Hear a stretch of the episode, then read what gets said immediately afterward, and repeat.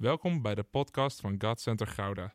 Vanaf deze plek willen we jou inspireren, motiveren en activeren om op een praktische manier je dagelijks leven met God vorm te geven.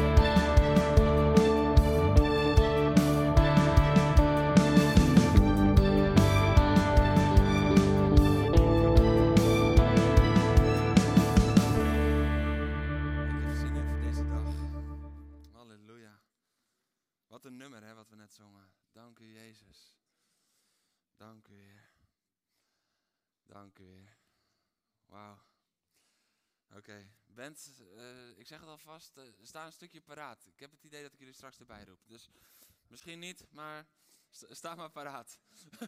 Je ziet tegelijk, wat moeten we doen, wat moeten we doen? maar dan gaan we gewoon terug naar het laatste lied van net. Halleluja. Yes. Nogmaals, goedemorgen. We gaan het vandaag hebben over de volgende generatie. Want de volgende generatie, dat is heel toepasselijk om het over te hebben als we het hebben in een opdrachtdienst over een thema. En voor de mensen die hier nooit komen, eh, misschien denk je van, eh, eh, joh, waarom heb je zo'n band om? Ja, de, ehm, dat, dat hebben we hier in God Center. De voorganger draagt de aanvoerdersband. Ehm, Alleen als je een voorbeeld wil hebben in zijn preek. Anders niet. maar ik was bezig met vandaag en, ehm, en, en toen moest ik denken aan de aanvoerdersband. Want de aanvoerder van het voetbalelftal of de aanvoerder van een hockeyelftal of noem maar op, die, die krijgt die band om zijn arm. En dat brengt een stukje autoriteit en dat brengt een stukje gezag.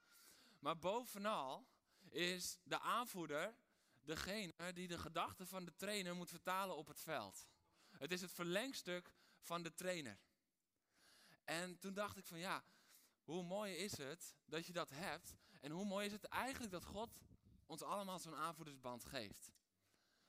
Maar hoe vaak is het zo dat we nog niet dragen? Dat we misschien eigenlijk wel dragen, maar dat we niet functioneren als verlengstuk van de trainer, van God. En ik weet nog dat op het gegeven moment, ik zat in een voetbalteam en op het gegeven moment merkte ik in mezelf dat ik wat meer invloed kreeg in, in, in het team en dat ik het spel steeds beter begon te begrijpen. En dat er een soort drang kwam in mij van, ja maar volgens mij, dat aanvoederschap, dat, dat zou wel op mij moeten rusten op het gegeven moment. En op het gegeven moment, eh, nou, de wedstrijden gingen verder en de wedstrijden gingen verder en ik besloot dat niet te zeggen. En op, gegeven moment, op het gegeven moment kwam de trainer naar me toe. En ik had nooit wat gezegd tegen hem. En hij zei, joh Jeroen, ik wil even, wat, even onder ons wat delen met elkaar. En toen zei hij, misschien ben je gefrustreerd dat ik je nog geen aanvoerder heb gemaakt. Maar voor mij ben jij ook een aanvoerder. Hij zei, ik kan er maar één de band geven. Maar jou hoef ik de band niet te geven om een aanvoerder te zijn. Je draagt het al met je mee. Dit is een uiterlijk teken. Dit is een uiterlijk teken waaraan mensen gaan herkennen van oké, dat is de aanvoerder. Maar hij, hij vertelde me, Jeroen, zoals jij bezig bent met het team, zoals jij bezig bent met de tactiek en dat dan uitleggen en doorgeven aan het team en, en dat die gasten dat ook pikken van jou, door jou de band niet te geven, maar aan een ander te geven, heb ik twee aanvoerders in het veld. En dat vond ik zo mooi dat hij dat deelde, want het is zo goed om te beseffen, ook al heb je misschien niet de band gekregen zoals jij hem verlangt, er zit wel iets om je arm heen. Er zit wel iets om jouw arm heen. Misschien heb jij niet de leiderschapspositie gekregen tot nu toe. Dat je denkt van, oh, mensen zien mijn invloed en eh, God heeft me zoveel autoriteit gegeven. Nou, er zit al een band om je arm. Er zit al iets om je arm en je hebt al een bepaalde autoriteit gekregen. En als het goed is, zien mensen om jou heen dat je een aanvoerder bent, als het ware, zonder dat de band daarvoor nodig is. De band wordt ook alleen gedragen in de wedstrijd. Op de training is de aanvoerder net zo aanvoerder, maar draagt hij die band niet. Maar de anderen weten het. En het is zo belangrijk om te beseffen dat het niet altijd zit in het uiterlijke, maar in hoe leven we. En dat dat gaat spreken. Wie heeft er vroeger zo'n eh, bandje gehad met eh, WWJD? Gefeliciteerd, jij bent boven de 25. nee, nee. Ehm, maar heel veel van ons toch? Ja, what would Jesus do? Ja. Ja. Maar ik zeg je heel eerlijk, als ik terugkijk naar hoe vaak die bandjes werden gedragen, dan had dat niet zo heel veel te maken met dat we dat uitstraalden. Maar heel vaak deden wij dingen en dat het dan een hele terechte vraag was van wat had Jezus gedaan? Heel vaak droegen we dat en dat was dan een beetje voor onszelf. Maar de anderen gingen vragen van, hé, wat betekent dat? Wat, wat, wat, draag je daar? En dan dachten we van, oh, dat is een mooi aanknopingspunt, dan kunnen we het evangelie delen. Maar waaraan zagen ze dat we christen waren? Waaraan zien mensen dat we Christus volgen? Is het door die muts die je draagt met holy voorop? Of is het jouw heilige reactie op een niet zo'n fijn moment? Is het omdat je liefde geeft op het moment dat het moeilijk is voor iemand? Of is het omdat er een poster hangt in je gang met God is liefde? Waaraan zien mensen dat we Christus volgen? Dat we christen zijn? Dat we daarin achter de gezalfde aangaan en door hem ook gezalfd zijn? Waaraan zien mensen onze identiteit als christen? Vaak zijn de dingen die we dragen, wat would Jesus do? Of een poster dat we hebben opgehangen, een muts die we opzetten, een kruisje wat we om onze nek doen. Vaak zijn dat de aanknopingspunten voor mensen om te vragen van, hé, hey, hoe zit dat? Maar heel eerlijk, hoe vaak word je gevraagd op je levenswandel, hoe zit dat? Als we willen dat de volgende generatie gaat opstaan en blijft wandelen met God. Als we willen dat de volgende generatie in vuur en vlam staat voor Jezus, dan kunnen we het niet meer afdoen met een bandje What would Jesus do? Hé hey zoon, je bent nu twaalf, ik geef je een bandje voor je verjaardag. Daarmee ga je het niet redden. Want die gasten die hebben voorbeelden nodig. Die gasten hebben levende voorbeelden nodig. Die gasten hebben voorbeelden nodig die helemaal in vuur en vlam staan voor Jezus. Die, die niet zeggen van, uh, liefde, kijk, we hebben zo'n mooi poster erover. Heb je dat nooit gezien in de gang? Liep je daar iedere keer voorbij? Nee, maar die liefde leven, die liefde ademen, die respectvol zijn, die eerbaar zijn, die genieten van hun relatie met God, die genieten van kerk zijn met elkaar. Dat zijn de voorbeelden die die jonge gasten nodig hebben, die onze kinderen nodig hebben. Want wat als je kinderen het geloof wat jij hebt vooral zien in de kerkgang die je hebt als gezin? Wat als je kinderen ja wel weten dat Jezus bestaat, maar niet in jouw leven zien wat Jezus betekent in jouw leven? Dan zullen ze op het gegeven moment zeggen van ja, prima, maar als het afhangt van een paar schilderijtjes of een paar quotes, dan hoeft het van mij niet. Want kinderen die prikken wel door wat echt is en wat niet echt. Man, als je denkt van ik moet mijn hart laten toetsen, trek een paar dagen op met kinderen. Die prikken overal doorheen. En dat is ook goed. Dat is ook goed. Want ze gaan voor echtheid. Ze gaan voor echtheid. En daarom is het zo belangrijk om te beseffen dat ieder kind heeft het nodig dat er een voorbeeld is van zijn of haar ouders. Niet in woorden alleen, maar in leven. Dat ze het uitleven. Weet je, wat mogen je kinderen zien van jou? Mogen ze je zien springen voor Jezus? Mogen ze je ochtends keihard in tongen horen bidden, terwijl jij. Hé, hey, hey, goedemorgen. Weet je, als je kind vreemd opkijkt, als hij in tongen hoort bidden, dan doe je te weinig waar je kinderen bij zijn. Ja, en misschien denk je van, ja, maar dat snappen ze dan niet zo. Hé, hey, laat het gewoon horen. Ik heb ze vaak op mijn arm en dan ondertussen ben ik in tongen aan het bidden. Boas en Hanne, die stellen me nooit vragen. Julia die gaat proberen mee te doen. Maar,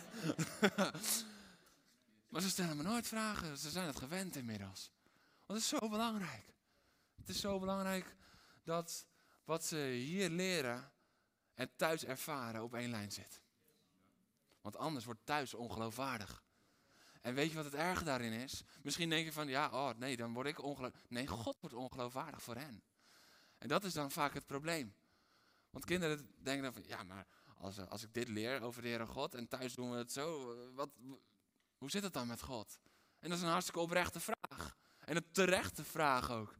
Daarom is het zo belangrijk dat we een voorbeeld zijn voor de volgende generatie. Ehm, ik wil vragen of je opzet voor het woord van God. We gaan lezen uit Deuteronomium 6, vers 4 tot en met 13. Als je hier nieuw bent, als we uit het woord van God lezen, dan staan we op. En dan de rest van de preek ook. Oh, dat is flauw, dat is niet waar. Luister Israël. De Heer, onze God, de Heer is de enige. En ik was me aan het voorbereiden en toen dacht ik, nou, dit vers is eigenlijk genoeg voor anderhalf uur preek. Maar ik heb me ingehouden. Heb daarom de Heer uw God lief met hart en ziel en met inzet van al uw kracht. Houd de geboden die ik u vandaag opleg steeds in gedachten. Ten diepste staat er steeds in uw hart. Hou ze in uw hart, in uw gedachten, in alles, in je hele ziel. Prent ze uw kinderen in en spreek er steeds over, thuis en onderweg, als u naar bed gaat en als u opstaat. Prent ze uw kinderen in en spreek er steeds over, thuis en onderweg, als u naar bed gaat en u opstaat. Draag ze als een teken om uw arm en als een band om uw voorhoofd. Schrijf ze op de deurposten van uw huis en op de poorten van de stad. Interessant klein feitje. Op dit moment hadden ze nog geen huizen en was er nog geen stad. Want God moest er nog het beloofde land inbrengen. God zegt soms dingen al van tevoren, omdat hij weet, als we de principes gaan brengen als er overvloed is, is het te laat. Hier was er nog geen sprake van overvloed. Hier was er nog geen sprake van de volle vervulling van de belofte. En die principes die moesten al in het hart komen. Die moesten al in het handelen verwerkt worden. Anders zouden ze het vergeten. Let maar op wat er staat. Straks brengt de Heer uw God u naar het land dat hij u zal geven. Zoals hij uw voorouders Abraham, Isaac en Jacob onder Ede heeft beloofd. U krijgt daar grote, mooie steden. Die u zelf niet heeft gebouwd. Huizen vol voorraden die u niet heeft aangelegd hebt aangelegd. Regenputten die u niet hebt uitgehouden. En wijnstokken en olijfbomen die u niet heeft geplant. Dat is nog eens mooi binnenkomen. Als u daar in overvloed leeft, zorg er dan voor dat u de Heer niet vergeet, die u uit de slavernij in Egypte heeft bevrijd. Zorg ervoor dat u hem niet vergeet. Het alleen ontzag voor de Heer, uw God. Dien hem en zweer alleen bij zijn naam. Halleluja, je mag lekker gaan zitten.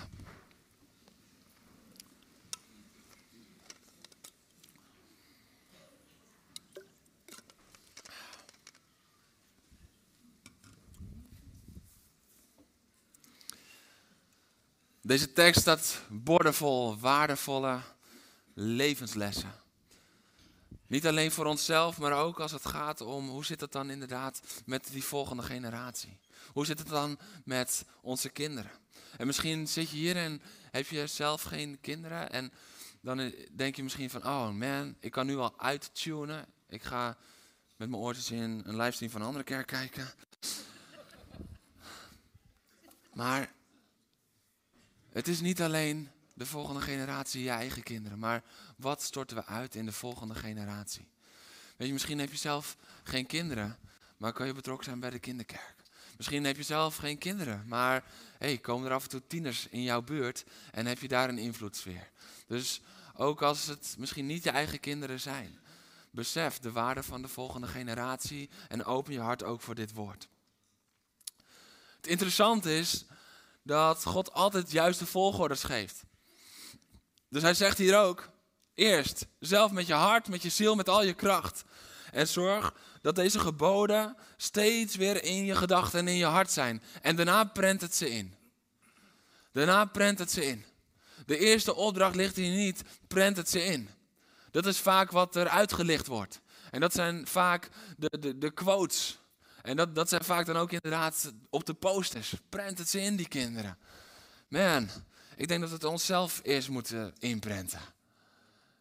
Wat er niet in jouw hart is, kan je je kinderen niet inprenten. Wat er niet in je hart is. Misschien zit het hier wel. Misschien heb je de kennis er wel van. Maar wat niet in je hart is, kan je je kinderen niet inprenten. Dat is prachtig hè, wat God daar zegt. Hij zegt hier niet alleen, hey, zorg dat je de wetten kent, want dan kan je ze inprenten. Nee, hij zegt, hey, zorg dat ze continu, continu, continu in je hart zijn. Want als je dat vanuit je hart gaat leven, dan ben je pas klaar om het je kinderen in te prenten. Dan ben je klaar om die levenslessen met anderen te delen.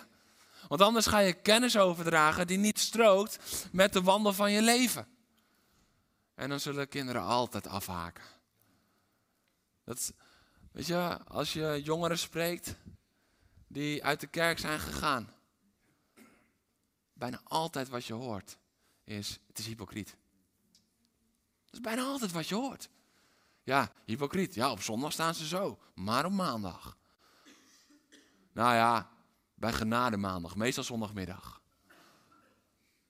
En ik heb het zelf ook meegemaakt, dat ik mensen zag losgaan voor de Heer. Maar op zondagmiddag gingen ze met voetbal tekeer. Ja, wat is dat nou? Wat is dan echt? Weet je hoeveel vragen dat oproept bij een kind of bij een tiener? Dat is niet echt. Dus daarom zorg dat die woorden van God, dat ze in je hart zijn. Er kan zoveel hier zitten bij Nederlanders. We weten het allemaal zo goed, maar we doen het niet. We weten het allemaal zo goed, maar kan het die centimeter zakken van je hoofd naar je hart? Want dan pas kan je het je kinderen inprenten.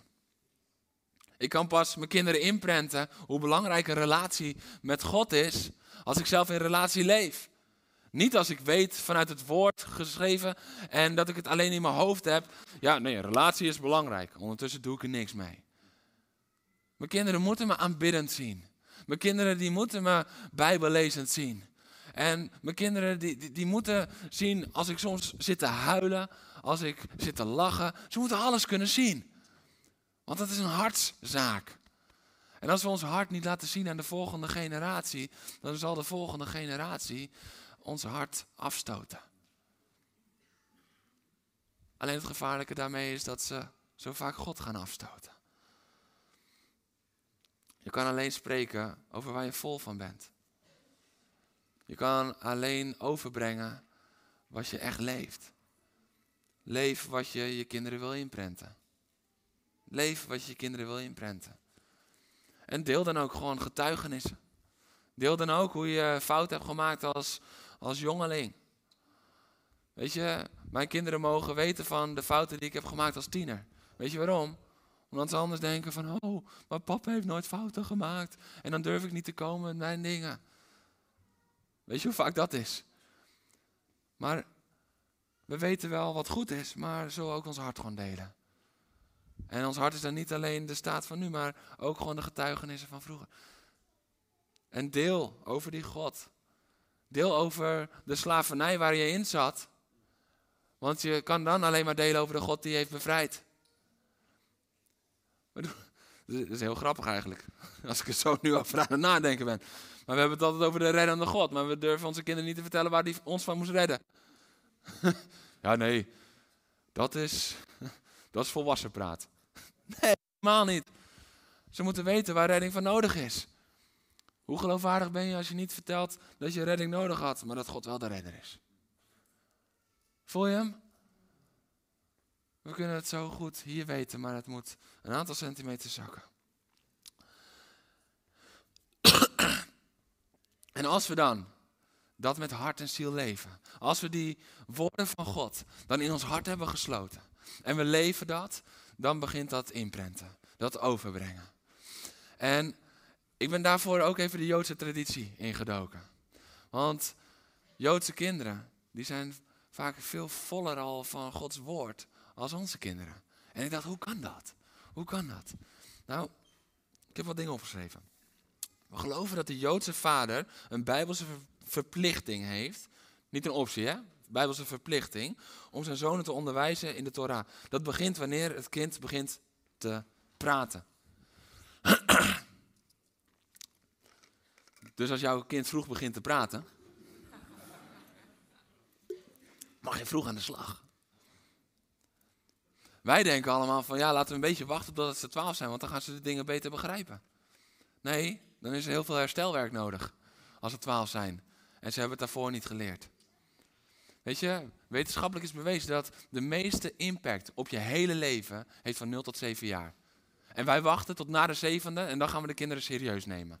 Oh man, je bent al drie, vier jaar te laat met inprenten. Onze kinderen gingen allemaal heel laat praten. Dus, dus ik, ja, dus ik had een makkelijke taak. Oh man, maar ze praten nu. Ze praten veel. Van wie zouden ze dat hebben? Ja, ik dacht, zal zelf maar invullen, toch? Een wijze Joodse geleerde die zei ooit dat het een absolute verplichting is voor iedereen om elke dag een half uur na te denken over de Torah-opvoeding van onze kinderen. Wauw! Voor iedereen.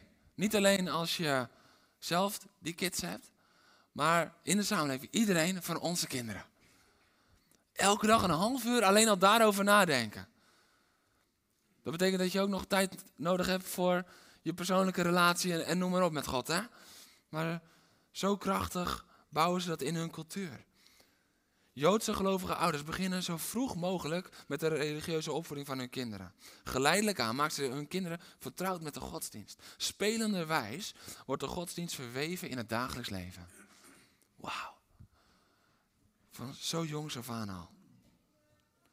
Er zijn gezinnen die hun kinderen dus al bijbelteksten leren zodra ze gaan praten.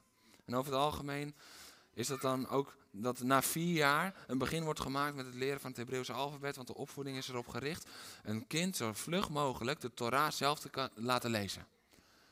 Hier werd ik toch geraakt. Hier werd ik toch geraakt. Hoe lang houden wij onze kinderen niet de plaatjes van de kinderbijbel voor, zonder ook maar enigszins er naartoe te werken, dat ze dat woord zelf kunnen gaan lezen. Dat ze zelf de Bijbel gaan pakken. Ik, ik was in gebed. En ik ervoor, en ik vond hem wel redelijk heftig, dat de Heer zei, Jeroen, jullie houden zo vaak jullie kinderen nog geestelijk klein en dom. Dus niet omdat zij klein en dom zijn, maar we houden ze te klein en dom. Want we blijven maar over die boot en bootjes vouwen. En we blijven maar over David en zijn slinger. Maar we leggen niet uit wat er echt gebeurde daar. Terwijl kinderen er veel eerder aan toe zijn dan dat wij denken. Als we het ze willen inprenten, dan moeten we dat als een serieuze taak in ons leven gaan zien. Als we het ze willen gaan inprenten. Als we willen dat onze tieners standvastig zijn. Standvastig in hun relatie met God. Als we, als we verlangen dat onze tieners krachtig opgroeien, dan begint het al als ze twee, drie, vier jaar zijn. Als ze beginnen te praten. Maar prent niet in wat je niet leeft. En daarom staat er dan ook, en dat vind ik zo mooi, want het is, het, het is God die maakt altijd alles weer rond. Dus eerst van, hé, zorg dat het steeds in je hart is. En dan prent het ze in. En doe dat thuis en onderweg. En als ze naar bed gaan en als je opstaat. Is gewoon heel duidelijk, hè? Dat is zo ongeveer je hele leven. Want je staat op, dan ben je of thuis of je bent onderweg. En daarna ga je weer naar bed. Ja, ja, jij dacht van, oh, dat is vier momenten op een dag. Nee, nee. Je staat op en je hebt het erover. Oh, dit is een nieuwe dag. Dit is een nieuwe dag. Kijk eens wat een mooie dag dit is. En dan ga je onderweg. En dan ben je thuis met ze. En dan breng je ze weer naar bed. De hele dag door waren ze bezig met hun kinderen bij God brengen. In verbinding brengen met God. Zo mooi. En dan staat er daarna, en draag ze, en ze is nog steeds dus weer die woorden van de Heer, als een teken om uw arm, als een band om uw voorhoofd, en schrijf ze op de deurposten van uw huis en op de poorten van de stad. En dit spreekt voor allemaal beelden waar we het in moeten dragen. Die woorden van God. Draag ze om uw arm en in uw hand. Ja, dat, dat betekent dus, draag ze in alles wat je doet. Draag ze in je handel en je wandel. In wat je doet, laat het heilig zijn. Wat je doet, laat het integer zijn. Laat het vanuit de woorden van God voortkomen. Laat je handelen overeenkomen met je woorden. Want je woorden zijn soms makkelijker als je handen. Dat is herkenbaar toch? We prediken de God van genade. Maar als er wat bloed onder de nagels vandaan gehaald wordt door de kinderen, waar is de genade? Ja. We prediken genade en we zeggen onze kinderen: hé, hey, jullie moeten lief zijn tegen elkaar. En ondertussen zit je aan tafel te klagen tegen je vrouw over je collega. En je kinderen zitten gewoon bij aan tafel. Oh nee, maar dat begrijpen ze nog niet. Nou, dat denk ik wel. Tot zover dat punt. Ehm, bij de Joden staat zo'n band om de arm, staat letterlijk om alles wat we doen, alle kracht die we inzetten en energie die we geven, moet in dienst staan van de Heer. Moet in dienst staan van. Continu. Het moet in dienst staan van. Dan ook om je voorhoofd. Dus niet alleen in je, in je kracht, niet alleen in je handelen, maar ook om je voorhoofd. Letterlijke vertaling is tussen je ogen. Op je voorhoofd, tussen je ogen. Dat het daartussen precies band geplaatst. Gebedsriem. En de Joden gebruiken die gebedsriem om het hoofd en om het denken af te stemmen op God.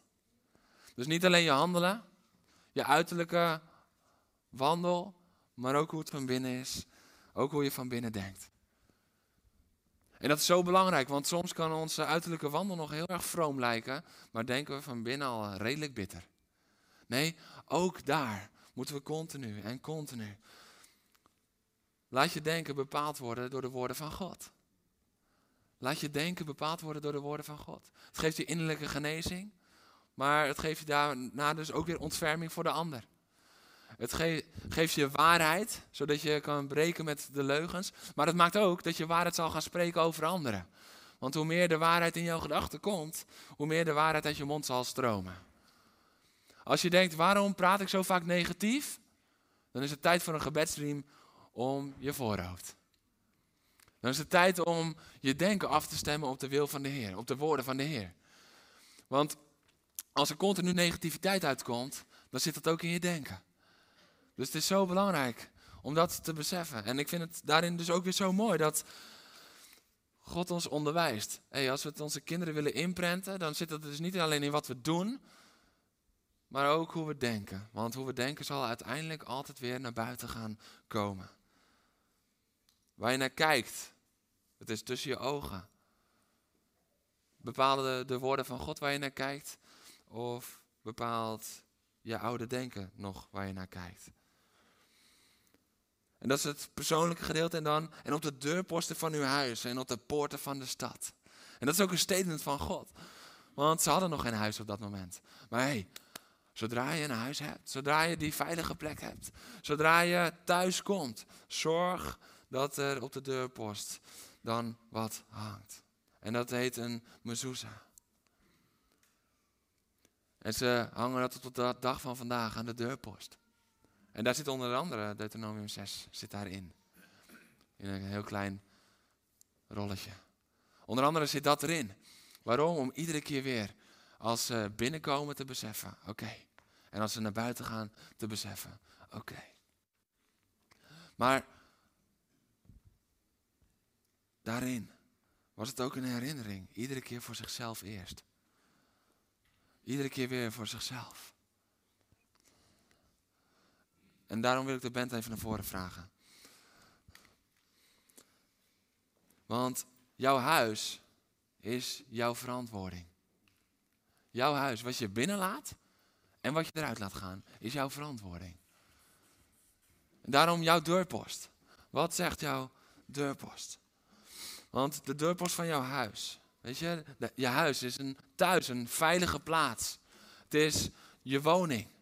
En wat komt er voort uit jouw woning? Het huis zet vaak ook wel een stukje als beeld voor ons hart.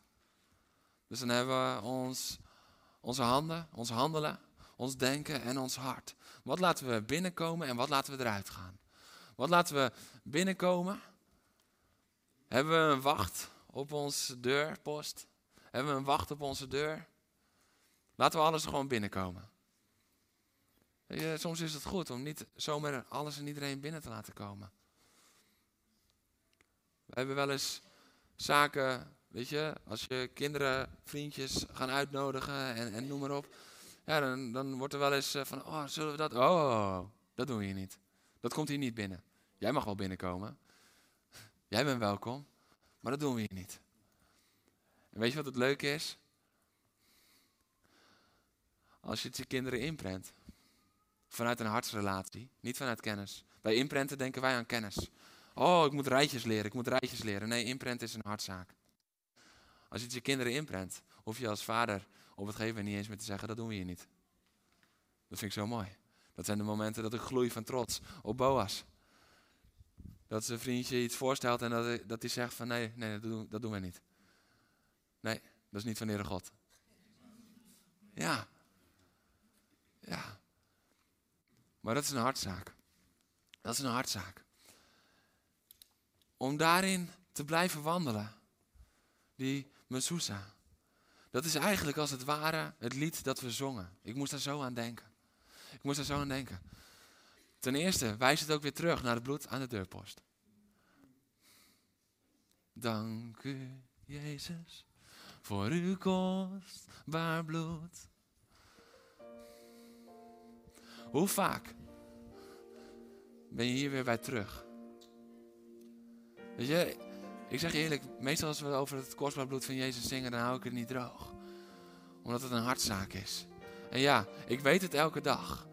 Maar ik moet ook iedere keer weer terug. En het is eigenlijk een beetje als zo'n zo op je deurpost. Als je naar binnen gaat, als je naar buiten gaat. Als je hier binnenkomt. Ben je je bewust van het bloed van Christus. En, en hoe breng je dat over naar je kinderen? Hoe breng je dat over? Als je, als je zelf al zo staat van... Dank u Jezus voor uw kostbaar bloed. Hoe denk je dat je kinderen echt dankbaar gaan worden voor het offer van Jezus? Hoe denk je dat je kinderen echt een keertje in tranen zullen zijn om wat Jezus heeft gedaan voor hen? Als we het zelf een beetje van ons af laten vallen.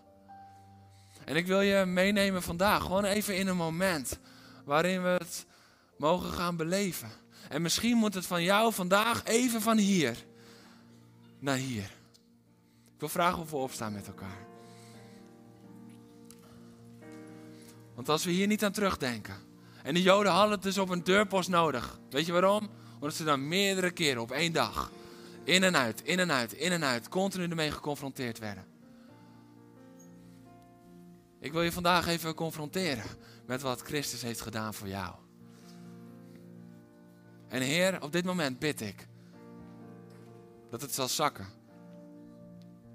van ons hoofd naar ons hart. Zo zingen met elkaar. Dank u, Jezus, voor uw kostbaar bloed. Dank u, Jezus. Ik ben schoon voor goed. Yes.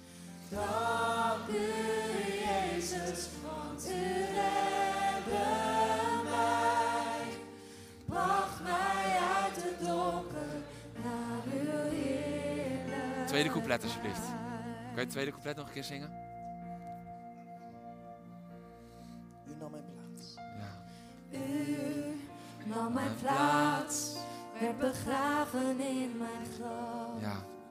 Daar lag u drie dagen lang, maar sinds u naar buiten kwam, Oh heeft het leven geen eind. Yes. En de dood heeft afgedaan. Mijn leven is vernieuwd door het bloed van het lam.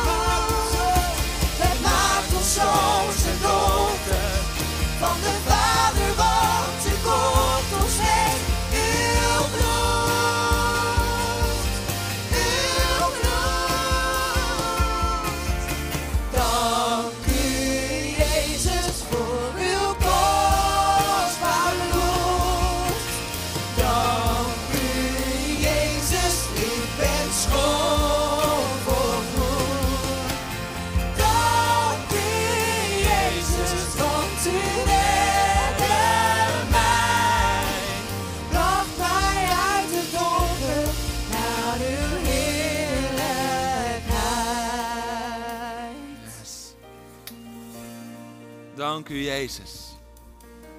Mm. Halleluja. U maakt ons zoons en dochters.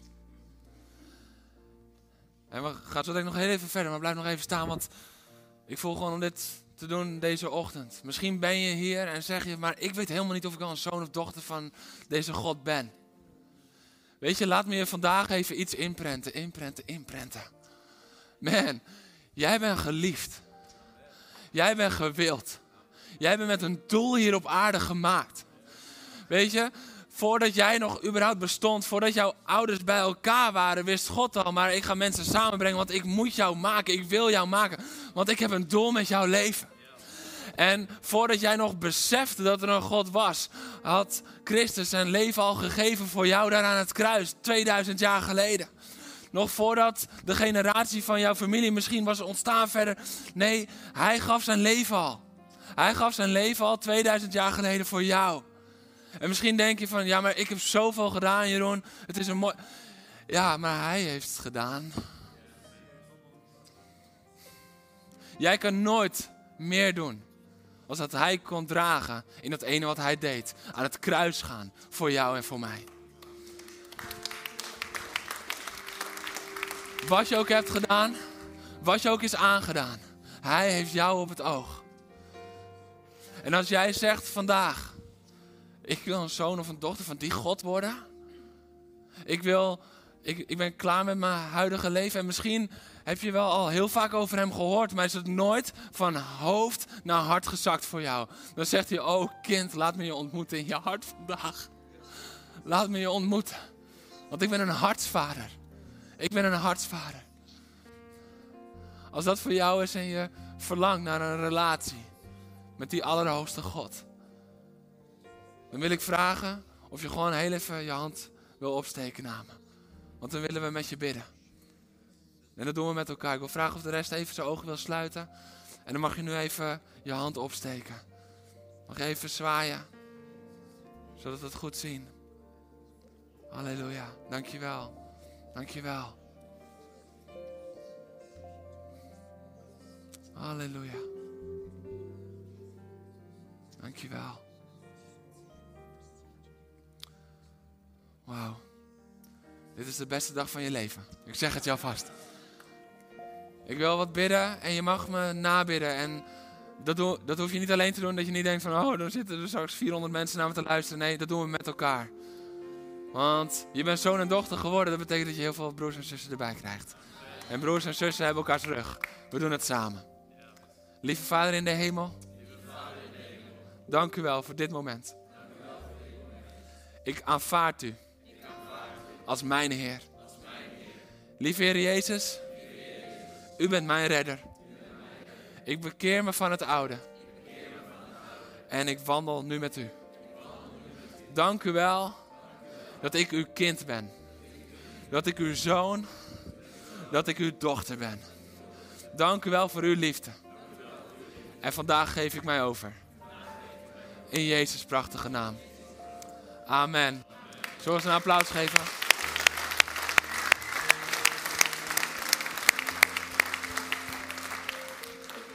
Wil je vragen als je naast iemand stond die zijn hand opstak, of misschien als je zelf je hand opstak, zorg dat je zo direct na de dienst even naar iemand van het welkomsteam loopt. We hebben boekjes over een nieuwe start, een nieuw begin, om je gewoon even op weg te helpen. En we willen er voor je zijn en je wegwijs maken. Halleluja. Je mag nog even gaan zitten. Blijven jullie maar. Ja. Want het volgende waar ze het aan moesten hangen was aan de poort van de stad. Aan de poort van de stad. Weet je, als het in de huizen van de stad, als het daar gaat leven, dan gaat in de poort van de stad gaat het klinken. Als het in de huizen van de stad, als het in onze huizen gaat leven, dan gaat het in de poort van de stad gaat het klinken. Weet je, de poort van de stad was de plaats waar de belangrijke beslissingen werden genomen. De poort van de stad, daar werd bepaald, dit mag erin, dat gaat eruit. De poort van de stad was een plaats van autoriteit. De poort van de stad was waar de stad werd geregeerd. De poort van de stad was zo essentieel voor het leven in de stad. Maar wat? Als het leven in de stad de poort van de stad gaat beïnvloeden.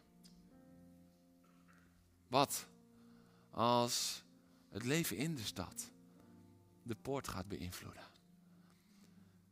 Wij denken vaak andersom. Want we denken van ja, maar weet je, de, de overheid of de autoriteit of uh, ja, Hero, uh, de, de wethouders, die bepalen en, en, en noem maar op. Maar wat als het leven in de huizen in de stad als het zo radicaal, vol liefde wordt. Als het zo vanuit die bevestiging van Christus komt. Wat als dat zo gaat leven vanuit het hart. En als mensen daarin niet de woorden hier ingeprent hebben gekregen, maar hier ingeprent hebben gekregen. Wat als dat gaat gebeuren? Dan gaat de poort van de stad altijd veranderen. Altijd veranderen. Altijd veranderen. Want kijk eens wat een invloed je gaat hebben met elkaar. Als echt, inderdaad, onze handen, ons denken, ons hoofd, onze huizen, als die vol zijn van de woorden van God. Vol zijn van de woorden van God. Dan gaan we invloed uitoefenen. Invloed uitoefenen. En dat zal zich blijven uitbreiden en blijven uitbreiden. En dan op de plaats van autoriteit zal verandering komen. Zal verandering komen. De afgelopen jaren zijn er zoveel mensen verbitterd geraakt op de leiders van ons land. Hé, hey, beter werp je die van je af en beter ga je inprenten in harten. Als je wil dat er een andere overheid komt, dan moet je niet bidden dat deze overheid weggaat. Ik zeg je heel eerlijk, de mensen die klaarstaan om deze overheid over te nemen, ik bid dat ze er niet komen. Ja, want onze volgende generatie staat nog niet klaar. Nou, dat is wel heel scherp. Ja, de waarheid is soms scherp. Onze volgende generatie staat nog niet klaar om het land te besturen. Vanuit de woorden van God. Beter gaan we inprenten. Beter gaan we er een hartzaak van maken. Beter laten we onze kinderen delen als we losgaan voor Jezus. Weet je, we hebben 3 maart hebben we weer familiedienst. Oh, halleluja.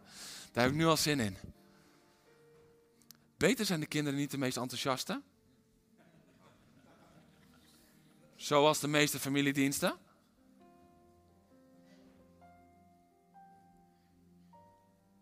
Ik vind het zo grappig. Ouders zeggen vaak, ja, je mag op je stoel gaan staan. Wanneer is de laatste keer dat jij op een stoel stond? Ja, daar staan ze af en toe, dat weet ik. Wanneer is de laatste keer dat jij echt vanuit puur enthousiasme voor de Heer Jezus. Omdat het een hartzaak is. Omdat het niet zo is van, oké, ik weet dat Hij goed is, dus ik doe mijn handen omhoog. Want dat zegt de Bijbel ook nog. Dat weet ik hier. Maar wanneer was de laatste keer dat je hart zo brandde? Dat je stond te springen op je stoel en dat de buurman dacht, oh, we hebben straks weer een glory night. Maar dat jij dacht, maakt me niet uit. Want ik ben enthousiast voor Jezus. En wanneer is de laatste keer dat je je kinderen hebt gezien?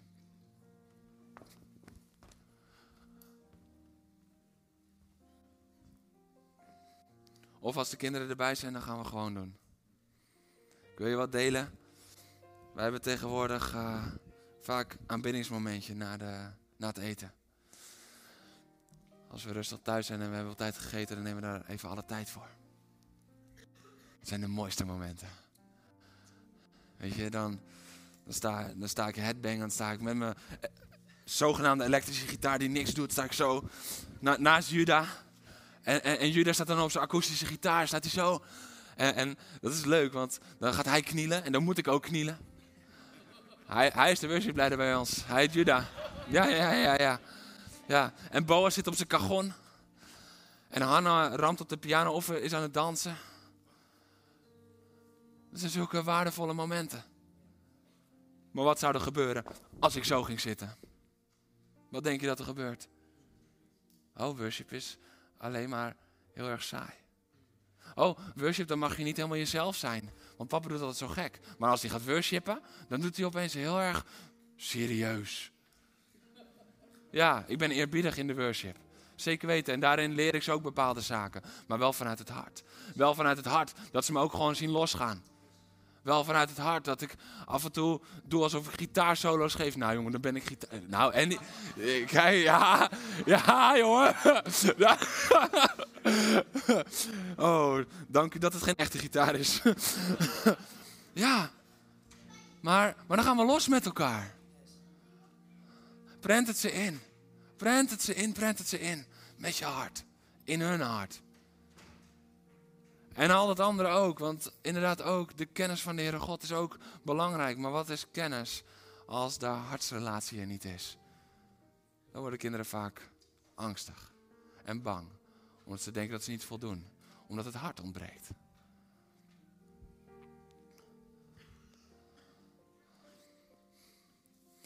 En wanneer is een goed moment om het je kinderen in te gaan prenten? Nu. Nu. Als je gaat wachten totdat er problemen komen, van ja, en dan moet je het uitroepen naar de Heer, je te laat. De Heer geeft heel duidelijk. Want straks, als je huis hebt, straks als je rijkdom hebt, straks als je in steden woont, straks als het overvloed is, vergeet me dan niet. Vergeet me alsjeblieft niet. Vergeet me niet. Waarom zegt hij dat? Omdat hij weet dat we zo in elkaar zitten. Daarom moeten we het continu met ons dragen.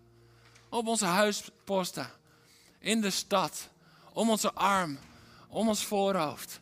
Continu moeten we het weer met ons meedragen, meedragen, meedragen. Waarom? Zodat we niet vergeten. Want als we pas beginnen, als we pas beginnen op het moment dat het moeilijk is. Weet je hoe moeilijk het is om in de storm iemands hart te vinden? In de rust is het veel makkelijker.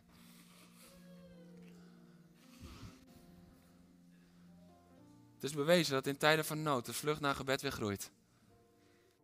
Ik hoorde getuigenissen van de Tweede Wereldoorlog over hoe vol de kerken waren. Nood leert bidden, zeggen ze dan. Weet je dat ik heel verdrietig word? Van dat gezegde? Nood leert bidden.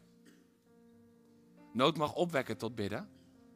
Maar als nood leert bidden, dan ben je dus nog aan het leren, heb je het ervoor nooit gedaan. Mijn hart, als ik denk, nood leert bidden. Oh Heer, laat mijn kinderen al alle wegen van gebed kennen. En laat ze in hun nood uitroepen, 100%. Maar als ze dan nog moeten leren, leer het nu. Ja, maar mijn kind is nog maar drie. Ja, leer het nu.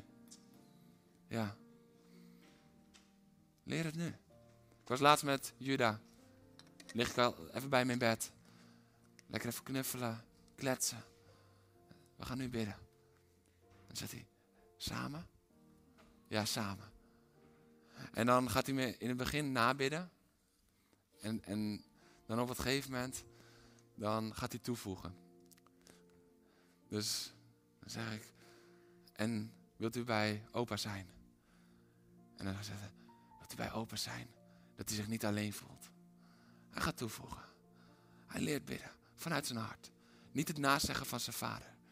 Maar hij bidt uit zijn eigen hartje. Wat is er in mijn hart? Wat zijn de woorden die ik voel om uit te spreken naar mijn hemelse vader? Nood leert niet bidden. Nood leert vragen. Papa's en mama's leren bidden. als het goed is. Leer je kinderen bidden. Neem ze erin mee. Geniet ervan. Lach soms ook even tijdens het bidden. Ja, weet je, bij ons aan tafel had, Boos wat grappigs meegemaakt. En hij, hij, hij bidt vaak bij het eten. En toen vertelde hij, ja, en Heere God, toen gebeurde dat. En toen proestte hij het uit van het lachen. Nou, Hanna kreeg een hysterische lach eroverheen. En als broer en zus lachen, dan lacht Juda ook altijd. Dus het was complete chaos aan tafel. Maar hij deelde zijn hart met de Heer. Wat doen we dan? Nu even eerbiedig, jongens. Nee, ik vond het het meest eerbiedige wat er gebeurde. Want ze deelden een hart met de Heer. Het was niet, Heer, zegen deze spijzen amen. Het was niet, Heer, ik hou het kort, anders het eten van mijn bord. Ja. Weet je, mijn grootste frustratie vroeger was altijd dat het rijmpje van mijn vader, dat ging zo snel, ik kon niet eens verstaan. En het kwam niet uit zijn hart. Ik was tien en ik snapte dat al. Dat kwam niet uit zijn hart. Laat het hart klinken. Laat het hart klinken. De volgende generatie heeft het hart en de woorden nodig van de huidige generatie. Ik bid dat de volgende familiedienst in maart, dat het één feest wordt.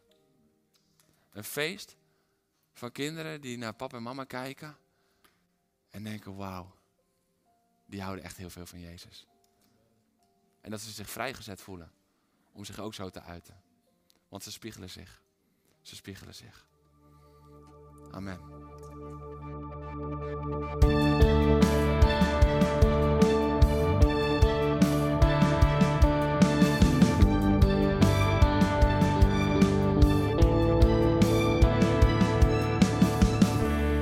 Bedankt voor het luisteren naar deze podcast. Volg ons op onze kanalen om verbonden te blijven. Heeft deze aflevering jou geraakt? Deel dan op je socials en tag ons, zodat we samen meer mensen kunnen bereiken.